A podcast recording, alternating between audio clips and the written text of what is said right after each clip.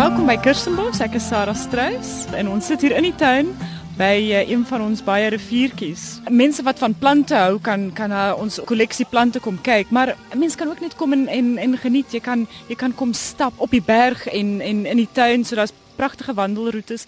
Uh jy kan 'n piknik hê op op die gras. En in meeste botaniese tuine in die wêreld kan jy nie eers op die gras sit nie. Jy kan nie eers op die gras loop nie, maar hier by ons kan jy jou jou kombers saambring, jy kan daar sit, die kindertjies kan op die gras speel en so. So daar's so baie dinge wat ons hier kan doen. Jy's binne in die natuur, jy mag sit op die gras. Hoekom het julle besluit dat mens mag sit op julle gras? Wel, ek dink ons ons ons tuin kan dit hanteer. Ons ons gras kan dit hanteer. Miskien is dit nie oral dieselfde in, in die wêreld nie. Daar's verskillende soorte grasse en so, maar ons voel dit het nie 'n um, 'n negatiewe impak op die tuin nie en uh, ons wil hê mense moet moet kom in die tuin geniet. Om vir mense te sê jy moet vir die natuur sorg is een ding, maar ek dink mense sal dit van self begin doen as hulle verlief word op die natuur. En as 'n mens van jongs af van van as jy as jy 'n klein uh, kindjie is, hier Kirstenbos toe kom en op die gras kom speel en en met jou familie die plek geniet, dan dan gaan jy daarvan hou en dan gaan jy van self na die natuur kyk. So ons dink dit is die beste manier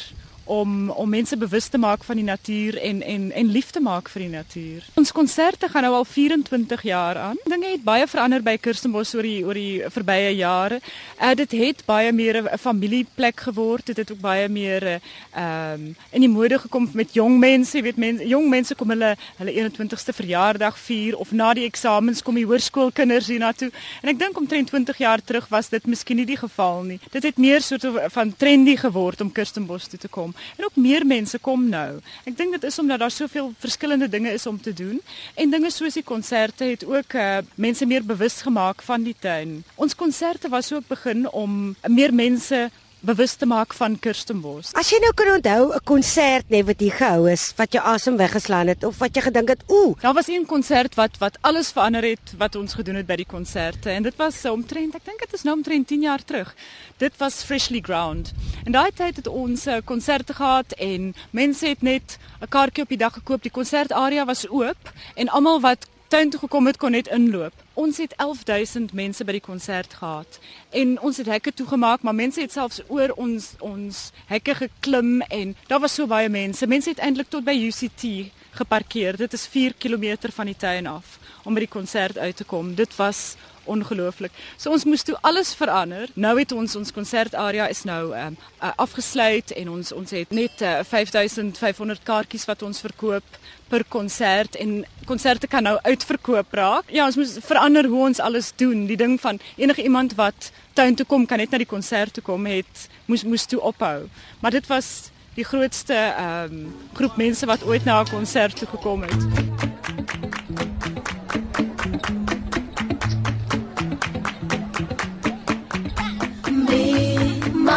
is low, when the fire is low, when the fire.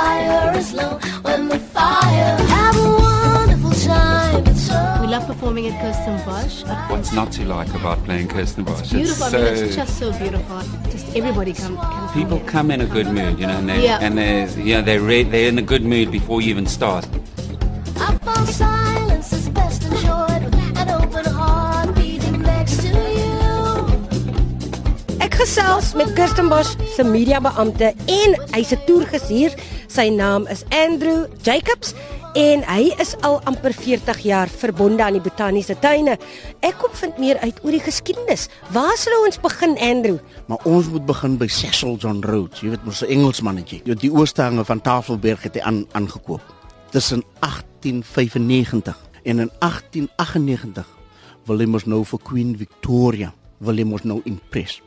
Toe plant hy mos die vyebome van Australië, die kamferbome van China en Japan en nou ongelukkig het die koninge nie gekom nie. Sy was 90 jaar oud. Maar aan die ander kant is ons ook bly want anders sal daai mos nou Queen Victoria Lane genoem gewees het en so aan. So ons is ook maar baie bly, maar hy bome lyk so goed. Geskiedenis los sy as dit goed lyk.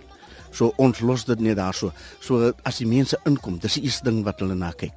So 1902 toe is Cecil John Rhodes oorlede en hy doen die beste ding. Hy skenk hierdie oorstange aan die mense van Suid-Afrika. Waar is die plekke waar die slange graag rondseil? Want ek het jy opgemerk ek is bly dat my voete nie aan die grond kan raak nie. Jy weet mos nou. Ja. Wat kan jy my vertel van slang se kind? Nee, daai's 'n maklike vraag ook, uh, Heidi. Laat ek vir jou so sê. Daar's vyf verskillende soorte slange. In ander woorde, daar is die boomslang, die regte boomslang. Jy weet daar's die Kaapse kobra en daar's die bergadder. Nou, Dis die adders wat ons wat ons hier so het. En dan's daar nog die molslang. Maar ek dink die belangrikste ding, jy kan maar sien, hulle sal net wegseil man. Vir die 102 jaar wat Kirstenbosch nou hier is, nog nie 'n slang byt nie. Dis hoekom ons sê en soms word die slange gesien, maar dan is daar ook sommige plante wat hulle nie na toe kom nie so. So ons is baie gelukkig nog met wild wat ons hier op Kirstenbosch het.